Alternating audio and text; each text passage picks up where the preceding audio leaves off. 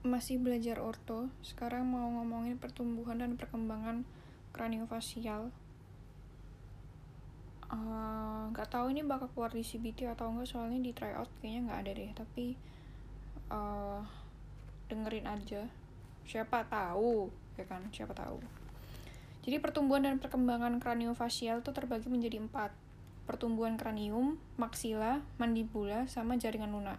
Yang pertama mau dibahas kan kranium. Pertumbuhan kranium itu bergantung pada pertumbuhan otak.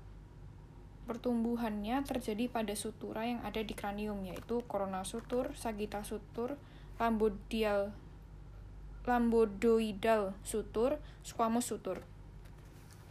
Kalau coronal sutur itu di antara os frontal sama parietal. Terus sagittal sutur di uh, antara kedua os parietal lambdoidal di antara os occipital dan parietal, dan squamous sutur di antara uh, os temporal dan parietal.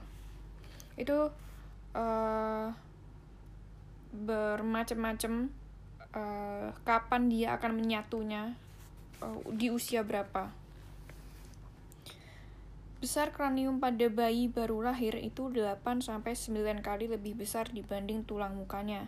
Kalau misalnya pada orang dewasa, tulang mukanya sepertiga sampai setengah kali dari kranium.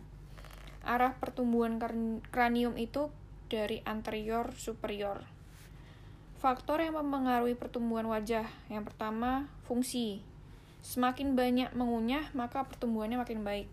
Faktor lainnya pertumbuhan sinus. Terus ketiga, erupsi gigi. Keempat, fungsi otot wajah, terutama pada otot mastikasi. Terus faktor yang mendukung lainnya yaitu kerja lidah. Ini sangat berpengaruh terhadap pertumbuhan maksila dan mandibula dan faktor lingkungan seperti nutrisi, kebiasaan buruk, terus uh, kondisi sistemik lainnya.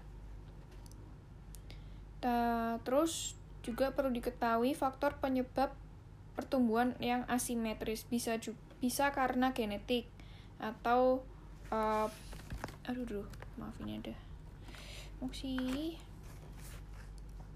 Oke. Okay.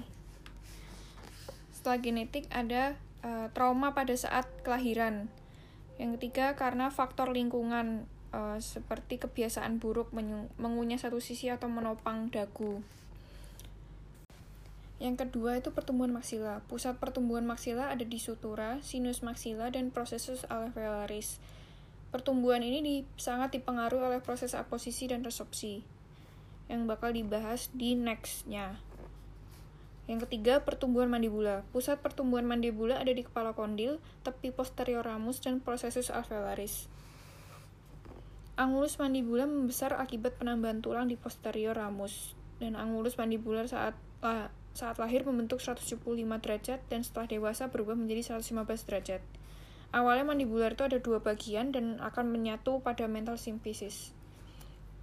Pertumbuhan maksila dan mandibular ini sangat bergantung pada growth spurt growth spurt itu terjadi mulai usia 6-7 tahun, dan paling cepat terjadi pada pubertas growth spurt itu perempuan di usia 12 tahun dan laki-laki 14 tahun, dan akan terhenti pada kalau perempuan usia 15 tahun, laki-laki 17 tahun. Dan yang terakhir pertumbuhan jaringan lunak. Jaringan lunak yang menjadi perhatian utama pada perawatan orto itu bibir, lidah, dan pipi. Bibir ini uh, dapat digolongkan jadi tiga bibir kompeten, bibir tidak kompeten, dan bibir potensial untuk kompeten akan dibahas di analisis analisis lokal aja. Semakin cuma FYI aja, semakin bertambah usia, bibir semakin tipis, filtrumnya semakin datar, dan vermilion bordernya kurang terlihat. Dan lidah ini uh, akan dibahas nggak spesifik tapi terkait dengan uh, maloklusi yang uh, lidahnya berada di posisi bawah menyebabkan uh, muka wajah itu menjadi panjang.